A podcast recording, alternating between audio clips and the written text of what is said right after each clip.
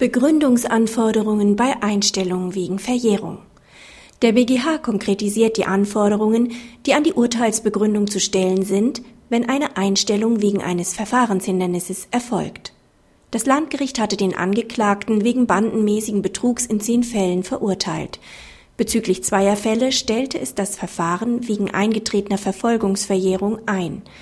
Die Revision der Staatsanwaltschaft hatte Erfolg.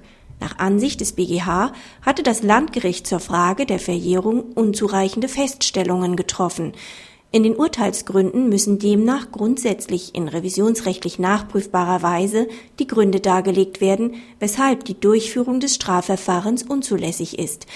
Dies gilt insbesondere dann, wenn das Verfahrenshindernis von der strafrechtlichen Würdigung der Sache abhängt.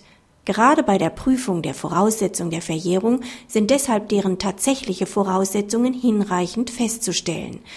Dazu können eine umfassende Beweisaufnahme und detaillierte Feststellungen zum Tatgeschehen erforderlich sein. Im hier entschiedenen Fall hätte das Landgericht insbesondere eingehend dazu Stellung nehmen müssen, ob eine gewerbsmäßige Begehung vorlag, denn in diesem Fall hätte eine zehnjährige Verjährungsfrist gegolten. Diesen Anforderungen ist das Landgericht aber nicht nachgekommen, sondern hat nur pauschal auf die Ausführungen zum Fehlen der Gewerbsmäßigkeit bei den nicht verjährten Taten verwiesen. Praxishinweis.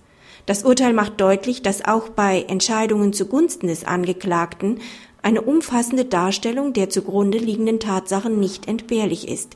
Dies gilt auch für freisprechende Urteile.